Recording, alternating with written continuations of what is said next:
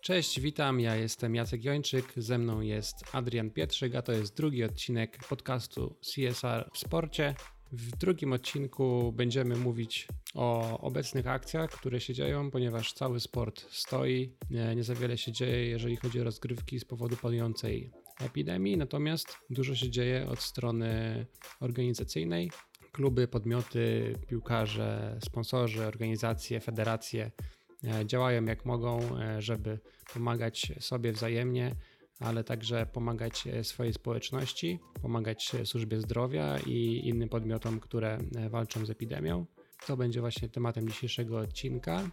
Porozmawiamy sobie innymi o Zagłębiu Sosnowiec, w którym pracuje Adrian. Porozmawiamy sobie trochę o akcji Legii Warszawa, ale zacznijmy od tego, jak CSR można wykorzystać w chwili, kiedy ten sport właśnie nie do końca działa, jakie on może przynieść korzyści i powiedz mi może proszę Adrian, co ty o tym sądzisz? Czy to jest właśnie ten moment, kiedy te CSR-owe akcje mogą wpłynąć na naszą organizację, na klub, na federację pozytywnie? To jest idealny moment, aby zweryfikować to, co mówiłem tydzień temu, że ten CSR jest obecny, ale kluby w Polsce i ludzie nie wiedzą do końca, czym jest ten CSR, czyli po prostu robią, robią dobro, nie motywując tego strategią CSR-ową. Myślę, że jest to idealny moment, aby, aby potwierdzić to, co mówiłem tydzień temu, że ten CSR jest obecny, tylko my do końca nie wszyscy mamy, mamy świadomość tego, że, że, że, że to są działania CSR-owe.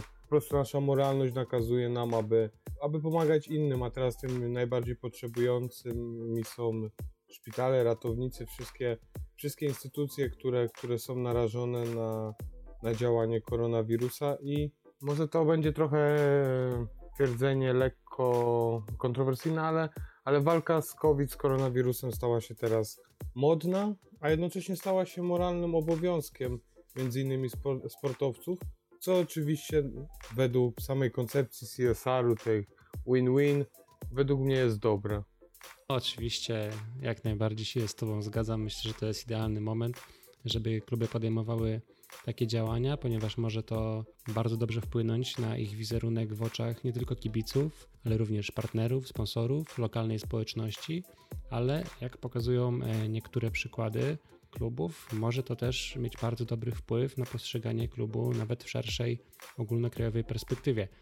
Z drugiej strony, oprócz samego CSR-u, myślę, że to jest też bardzo dobry moment dla wielu klubów, kiedy mogą chwilowo odsapnąć od tego pędu, e, trybu meczowego z tygodnia na tydzień takiego życia i ten czas wykorzystać na pewne zweryfikowanie swojego podejścia, na przerobienie swojego modelu biznesowego, na zaplanowanie lepszej strategii, na zmianie swojej, e, swojego sposobu oceny ryzyka, którego może dotychczas nie mieli, a okazuje się, że e, takie kryzysy się zdarzają, przychodzą z nienacka i nas zaskakują i tak naprawdę w przyszłości musimy być na to przygotowani, ponieważ no bardzo ważne jest, żeby być przygotowanym na każdy możliwy scenariusz, żeby budżetować rozsądnie, żeby nie było takich sytuacji, że teraz musimy ciąć wszystko tak naprawdę, ograniczać działania sportowe, administracyjne, ucinać pensje, zwalniać pracowników, tylko dlatego, że po prostu nie braliśmy pod uwagę, że coś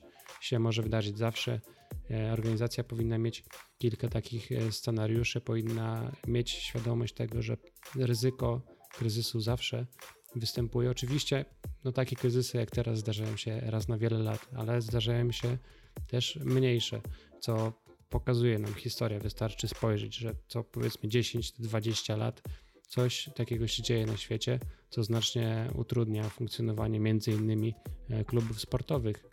I tutaj też chciałem podkreślić rolę czegoś takiego, co nazywa się management accounting, co e, powiedzmy jest taką księgowością, ale nie finansową. Polega to na planowaniu właśnie tej przyszłości, czyli wykreślaniu, nakreślaniu strategii dla danej organizacji i w to wchodzi zarówno e, właśnie budowanie tej strategii CSR, budowanie strategii finansowej, e, planowania naszych działań i ewentualne branie pod uwagę negatywnych scenariuszy i przygotowywanie pewnych rozwiązań, które miałyby pomóc nam w tym trudnym czasie. Czy myślisz, że w Polsce takie podejście jest popularne? Czy kluby bardziej żyją z dnia na dzień, sezon na sezon, czy właśnie wchodzą w ten tryb meczowy, później jest przerwa między sezonami, czy jednak zdarza się, że tak naprawdę są dobrze zorganizowane i przygotowane na, na różne scenariusze? Powiem tak, nie- nie chcę genera- generalizować, bo wiadomo, że w każdym klubie, a powiedzmy, że tych profesjonalnych klubów u nas w Polsce, czy tych nawet półprofesjonalnych, piłkarskich, no to będzie tam e, w okolicach e, no, s- 100 klubów, które można by nazwać profesjonalnymi klubami. Wiadomo, w każdym klubie pracują inni ludzie z innym zapleczem, z innym drygiem, z innymi zdolnościami menadżerskimi. Jedni mają e, większe, drugie mniejsze, więc nie chcę, nie chcę generalizować, ale Yy, Niestety, prowadząc badania w tamtym roku, które opierałem na, na wywiadach eksperckich, wielu moich ekspertów wskazywało jeden kluczowy problem klubów sportowych naszych, właśnie odnosząc się do słów, o których Ty mówiłeś wcześniej. Jest to bardzo krótkowzroczne myślenie. Zarówno w polskich przedsiębiorstwach, jak i, jak i w klubach sportowych patrzy się, co będzie za tydzień, miesiąc. Te mm, strate- to, to myślenie takie strategiczne, szczególnie w tym, y, w, wybiegając w przód y, w perspektywie długookresowej, która i tak z racji tego turbulentnego otoczenia już skraca się nawet y, powiedzmy do roku, dalej jest gdzieś odpychane na bok. Patrzymy, co jest teraz, co będzie za następną kolejkę do końca rundy. I to jest, to jest błąd. Ja mm, nawiązując właśnie do tego, co mówiłeś wcześniej, trzy dni temu zamieściłem taki może lekko kontrowersyjny, ale miałem nadzieję, że da do komuś do myślenia post u nas y, w grupie dla y, sponsorów, żebyśmy na chwilę teraz odrzucili książki Zostań liderem w 7 dni, czy y, Jak osiągnąć sukces y, bez wychodzenia z domu, a wrócili z takich podstaw.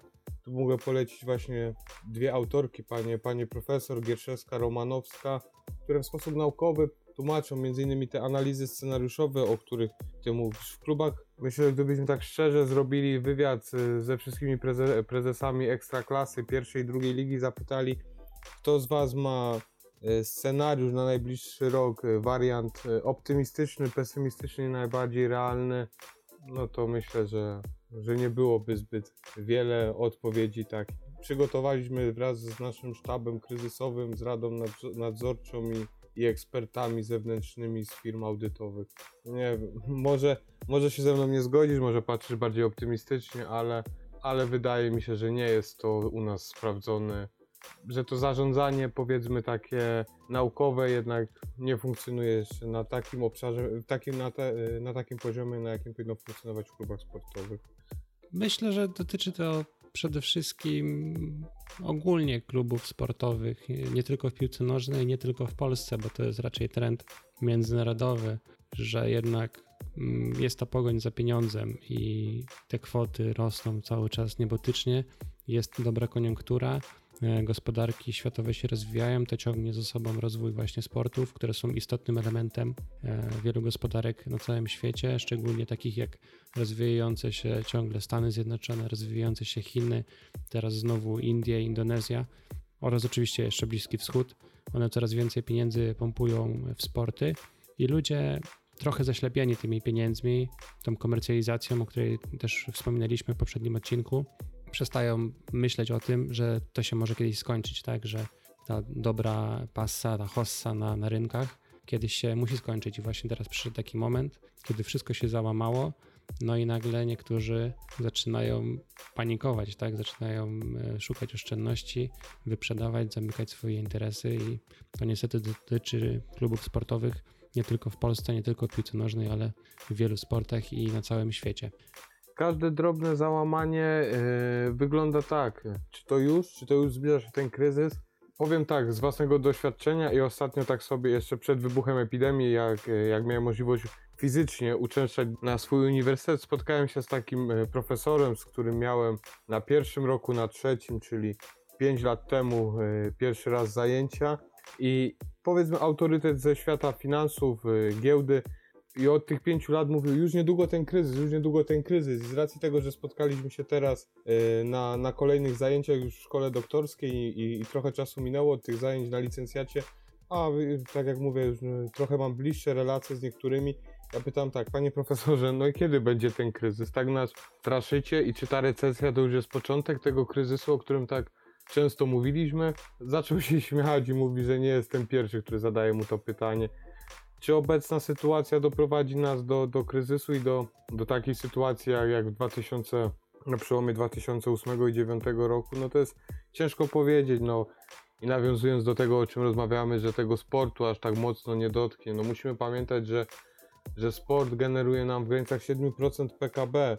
Też wiele, wiele osób, które są niezwiązane ze sportem, często dziwi, że jak to, to, to są aż takie duże pieniądze.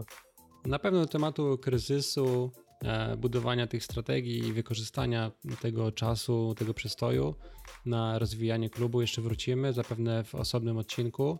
Natomiast teraz, e, tak jak zapowiadałem, przejdźmy do omówienia akcji CSR. Chciałbym zacząć od takiej, według mnie, najważniejszej, największej, najfajniejszej akcji z bardzo wielu mm, perspektyw, na różnych płaszczyznach. Według mnie jest to akcja Legii Warszawa.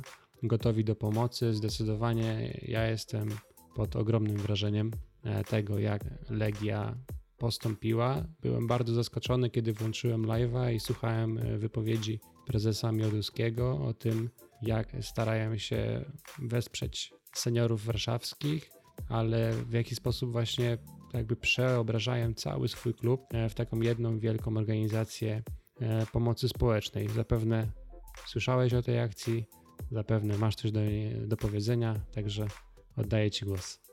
Jeśli chodzi o tą akcję i to włączenie się wszystkich pracowników do pomocy, to tutaj chciałbym zwrócić uwagę, mm, jakie fajne skutki może przynieść ta akcja już nie tyle dla społeczeństwa, co dla samego klubu. Tak jak mówiłem w poprzednim odcinku, jednym z kluczowych y, plusów CSR-u jest to, że pracownicy budują między sobą taką więź, której, którą ciężko jest zbudować robiąc inne rzeczy, na przykład siedząc tylko w biurze i analizując sprawozdania finansowe.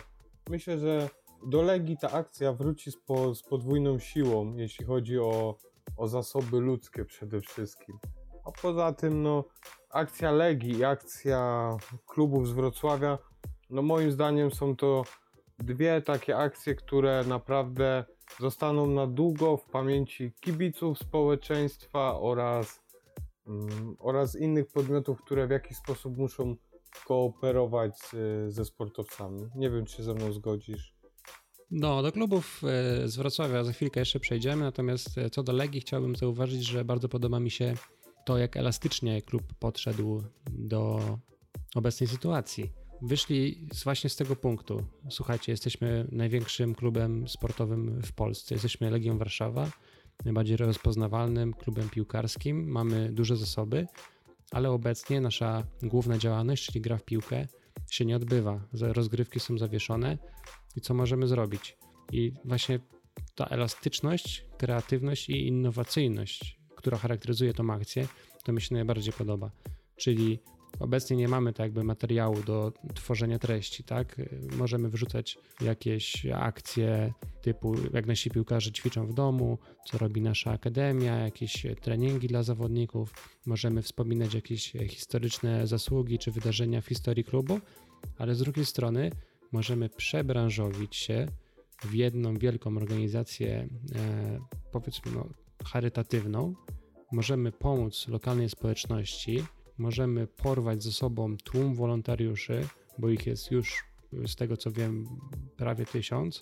Możemy porwać naszych sponsorów, którzy bardzo chętnie wesprą taką, taką akcję i możemy wykorzystać wszystkie nasze klubowe media, jak stronę internetową, e, Facebooka, Twittera, YouTube'a i tak dalej, do tego, żeby stać się takim centrum informacyjnym. I dla mnie to jest wydarzenie naprawdę na dużą skalę i to powinno być naprawdę zapamiętane na długo i stawiane jako przykład tego, jak kreatywnie i innowacyjnie można podejść do zarządzania klubem w czasie kryzysu. Naprawdę ta akcja zrobiła na mnie ogromne wrażenie.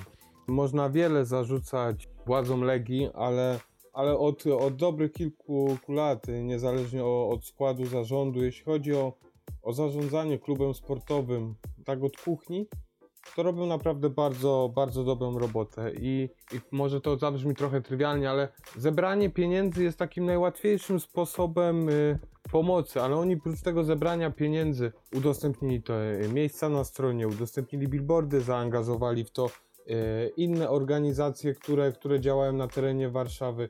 bardzo silnie wy, wykreowali ten swój hashtag związany, związany z pomocą. Myślę, że są to to odpowiednie wykorzystanie swoich zasobów, tego co mogli dać więcej niż tylko zebranie pieniędzy od, od kibiców, od, od swoich sponsorów, interesariuszy, spowodowało to, że, że ta akcja rzeczywiście odniosła taki duży rozgłos i, i naprawdę szacunek dla, dla ludzi, którzy, którzy tak naprawdę za to odpowiadają tam w Legii.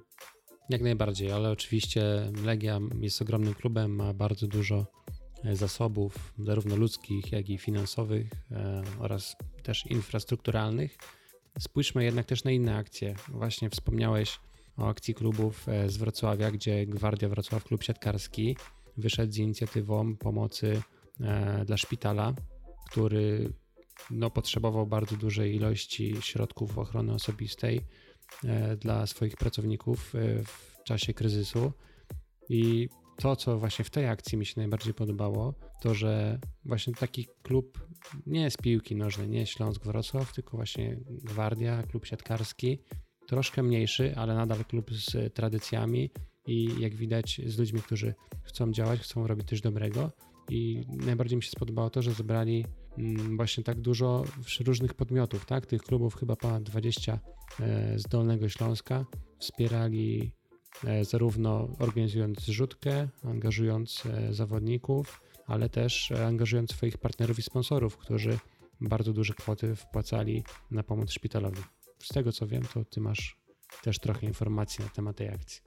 Powiem tak, w zależności od zasobów, no nie możemy porównywać, prawda, piłkarza E, A klasy i, i tego, co on może zrobić e, mimo szczerej chęci do walki z koronawirusem z, z Cristiano Ronaldo, bo, e, bo wiadomo, że ma, ma inne zasoby, ale co mnie powiedzmy tak poruszyło w tej, w tej akcji, którą rozpo, no, rozpoczęła Gwardia, to, że klub stosunkowo mały w porównaniu do, do potęg europejskich rozpoczął takie po prostu przechylił tą pierwszą kostkę domino i, i ruszyły za nim kluby powiedzmy bardziej medialne. Śląsk Wrocław. Tam do tej akcji gramy razem dla koszarowej włączyła się również Miedź Legnica. Tych klubów jest około, około jak mówiłeś, 20 i kluby, które się podłączyły pod tą akcję, zrobiły bardzo dużo do, y, dobrego. Jeśli tylko wpiszemy ten y, hashtag gramy mm, dla koszarowej, to wyskoczą nam zawodnicy zarówno z koszykówki, z, z różnych klubów y, z, ze Śląska, bo to jest i Śląsk, i Ślęża, WKK Wrocław. Są to też kluby y, baseballowe, również się włączyli kluby lacrossowe, futbol amerykański, hokej, brazylijskie jiu-jitsu, K1. Te wszystkie sekcje pozwoliły i ich kanały dystrybucji pozwoliły naprawdę osiągnąć tą tą dość e, sporą, sporą sumę, bo to jest ponad, ponad milion złotych, gdyby to, gdyby to zliczyć, dlatego że to są idole dla swojego segmentu, prawda? To tutaj pokazała się ta, ta synergia, że to 1 plus 1 plus 1 nie wyjdzie nam 20 dodając te kluby, tylko wyjdzie nam wielokrotność tej, tej liczby. Każdy, każdy przyciągnął swoich, y, swoich fanów, swoich partnerów i, i warto tutaj wspomnieć też o jednym takim kluczowym aspekcie, który jest często pomijany i, ja póki powiedzmy nie zacząłem być w tym sporcie od środka, nie zdawałem sobie z tego sprawy, że jednak kluby miejskie, które są, które działają na obrębie jednego miasta, bardzo często ze sobą rywalizują o, o środki z miasta, o możliwość wykorzystania infrastruktury. I w wielu miastach, nie mówię, nie wiem jak jest we Wrocławiu, nigdy tam nie, nie działałem z żadnym klubem, nie chcę też przytaczać przykładów z, z innych miast, ale ale jak ktoś siedzi w sporcie, to wie, że to nie jest tak do końca, że, że klub, który siatkarski, yy, przypuśćmy, i, i koszykarski, i piłkarski z jednego miasta, to, to się cieszą, nawzajem wspierają, często między mm, władzami, między osobami odpowiedzialnymi za te kluby. Rodzą się różne, różne konflikty, poczucie niesprawiedliwości, a tutaj jednak we Wrocławiu, tak jak mówię, nie wiem jaka jest sytuacja, czy, czy się lubią, czy się nie lubią, już mówiąc lekko trywialnie, zadziałali razem, znaleźli ten, ten wspólny cel i, i myślę, że tym małym klubom wyjdzie to na dobre, bo, bo zrobiły sobie też świetną reklamę, a, a skutki tej akcji widzimy są, to jest jedna chyba z, naj, z największych takich zbiórek, jeśli chodzi o, o kluby sportowe yy, u nas w Polsce, jeśli chodzi o walkę z koronawirusem. Więc myślę, że tutaj ta synergia jest takim czymś, co mnie po prostu złapało za serce i, i, i bardzo mocno szanuję tą akcję. No jasne, takich przykładów e, jest na pewno więcej, zarówno w Polsce, jak i na całym świecie. Warto też e, wspomnieć przynajmniej w jednym zdaniu o tym, że chyba bardzo dobrze na tym kryzysie, chociaż nie wiem, czy można tak powiedzieć, że bardzo dobrze wyszedł, bardzo dobrze wyszedł e, na tym esport, bo choć nie odbywają się turnieje lanowe, to cały czas trwają rozgrywki. Zawodnicy walczą ze swoich domów najczęściej albo z gaming house'ów o całkiem duże kwoty i ligi cały czas się odbywają, wszystko idzie do przodu i e-sport może na tym dużo wygrać. No i też tradycyjny sport sięga do tego e-sportu, ponieważ duże firmy jak Formuła 1, czy kolarskie podmioty, czy żeglarskie, dużo swoich właśnie aktywności e, przeniosły na gry e, sportowe, na rozgrywki, gdzie angażują nawet tych zawodników o najwyższym światowym profilu. No i to też mi się bardzo podoba, bo zawsze liczyłem na tą unifikację sportu ze sportem. Wydaje mi się, że te światy mają ze sobą dużo wspólnego, że one jeden i drugi e, przemysł na tym na pewno skorzysta. Trzeba tylko znaleźć ten wspólny mianownik i, i te akcje mogą być naprawdę bardzo ciekawe i korzystać na tym będą zarówno podmioty ze świata sportu, jak i sportu i razem się będą rozwijały, bo coraz więcej ludzi interesuje się sportem, ale też sport, no nie ukrywajmy, że jest nieodłączną dziedziną e, naszego życia. Chciałbym jeszcze zapytać Ciebie, jako że pracujesz w Zagłębiu Sosnowiec i to jest takie Twoje naturalne środowisko, też pierwsza liga, jak oceniasz działania i jak Wy odnajdujecie się w tym okresie i jakie działania strategiczne pod względem właśnie CSR-u wykonujecie? Jeśli chodzi o pierwszą ligę, to to powiedzmy sobie szczerze, każdy klub coś robi. Wydaje mi się, że tutaj właśnie mamy do czynienia z, z socjologicznego punktu z takim pewnym rodzajem e, etyki, etyki, moralności zbiorowej. Wszyscy robimy, my też musimy coś zrobić, żeby nie być wyautowani i, i, i żeby nam nie zarzucono, że czemu nic nie robicie, żeby pomóc szpitalom e, czy, czy innym placówkom w zależności od, od potrzeb danego regionu, więc to też jest taki pozytywny pozytywny aspekt tej, tej moralności zbiorowej.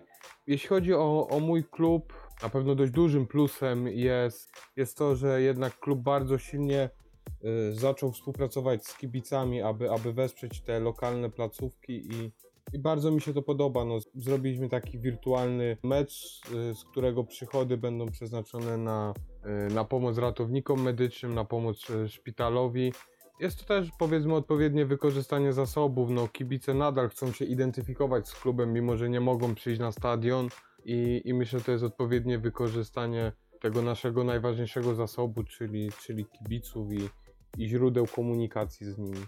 Jestem naprawdę pod wrażeniem działań wszystkich klubów z pierwszej ligi, bo każdy klub w mniejszy lub większy sposób się angażuje w tą pomoc i, i chciałbym, żeby dalej się to utrzymało. Jeśli się skończy Mm, potrzeba walki z koronawirusem.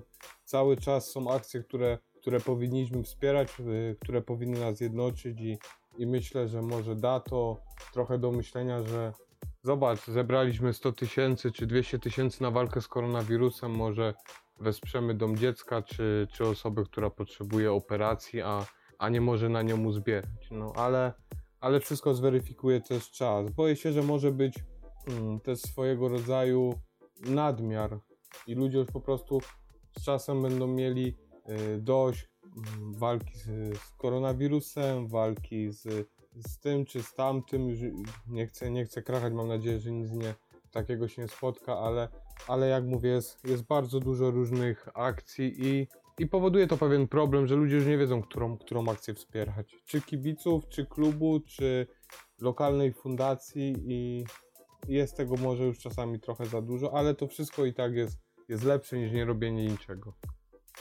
Jak najbardziej też to może dać do myślenia i pokazać właśnie, że na przyszłość warto e, wcześniej sobie zrobić dobre kontakty, e, zjednoczyć się, zarówno kibice, fundacje i lokalne podmioty e, oraz kluby sportowe, żeby w takich właśnie chwilach umacniać te nasze wspólne więzi. Natomiast ja jeszcze chciałem wspomnieć o tym, że bardzo podoba mi się pierwsza liga jako organizacja i wizerunkowo mi się bardzo podoba, a przede wszystkim komunikacyjnie, bo przejrzałem sobie zarówno Facebooka, Twittera, jak i Instagrama. Tam są naprawdę fajne treści i porównałem to trochę z e, tymi samymi kanałami w Ekstraklasie.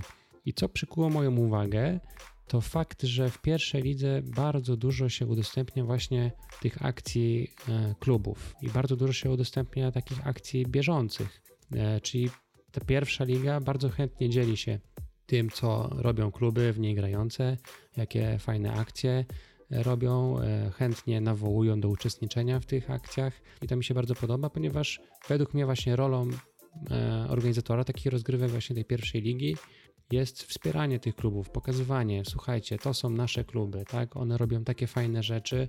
Wejdźcie, zobaczcie, weźcie w tym udział. E, przy okazji zróbcie coś dobrego. Natomiast na kanałach Ekstraklasy, mimo że to jest podmiot no nieporównywalnie większy, o nieporównywalnie większych e, zasięgach, pieniądzach i, i tak dalej, tam natomiast bardzo dużo treści historycznych, czyli wspominamy były bramki, wspominamy były mecze, byłych piłkarzy, a słów e, i postów o tych bieżących akcjach, no niestety nie ma tak dużo.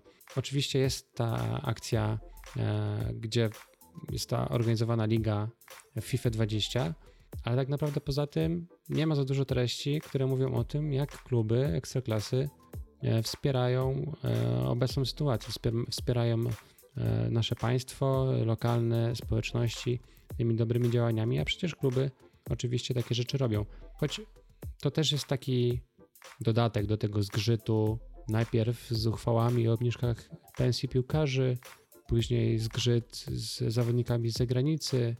Kluby, zarówno jak i sama ekstraklasa, są troszeczkę zagubione, nie do końca przygotowane na tę sytuację i wydaje mi się, że będzie to też duża nauczka na przyszłość dla, dla tej organizacji to będzie bardzo duża na, nauczka i na pewno takie zapisy w kontraktach, e, w statutach się pojawią.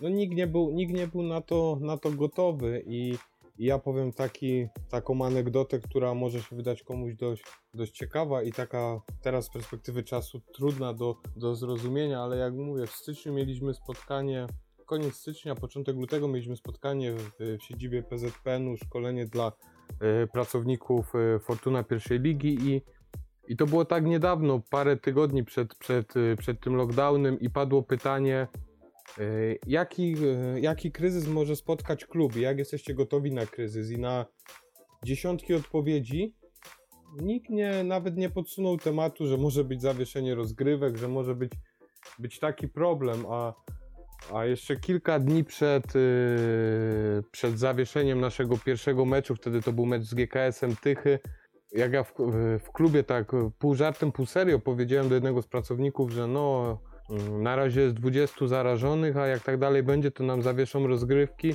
to nikt nie traktował mnie poważnie. No, było to takie no, niemożliwe, żeby, żeby jakiś tam wirus z Chin, który zaraził do tej pory kilka osób w kraju, spowodował za, parę dni zawieszenie rozgrywek, ale się stało. No, człowiek uczy się na błędach, jest to pierwsza taka sytuacja od praktycznie od, y, od wojny w Polsce, więc od II wojny światowej, więc myślę, że, że kluby też sporo z tego wyciągną i, i w konsekwencji, tak jak mówię, każdego kryzysu coś dobrego trzeba wynieść i, i kluby już będą zabezpieczone i nie trzeba będzie walczyć z piłkarzami o obniżenie wynagrodzenia w takiej sytuacji, tylko będzie zapis w kontrakcie i, i nikomu nie trzeba będzie odbierać opaski kapitana, tak jak w Krakowie, jeśli nie, zdo, nie zgodzi się na obniżenie wynagrodzenia, tylko gdyby odpukać przyszło to w przyszłości taka sytuacja, to, to będzie już automatyczny zapis w kontrakcie. No a pewno nikt się nie spodziewał, że coś takiego nas spotka i też w obecnej chwili tak naprawdę nie do końca wiadomo, co z tym sportem e, będzie. Jedyne co wiadomo, to że nasz podcast wróci za tydzień z kolejnym odcinkiem. A w tym momencie ten odcinek kończymy. Przy mikrofonie byli Jacek Jończyk i Adrian Pietrzyk. Dziękujemy, pozdrawiamy i do usłyszenia.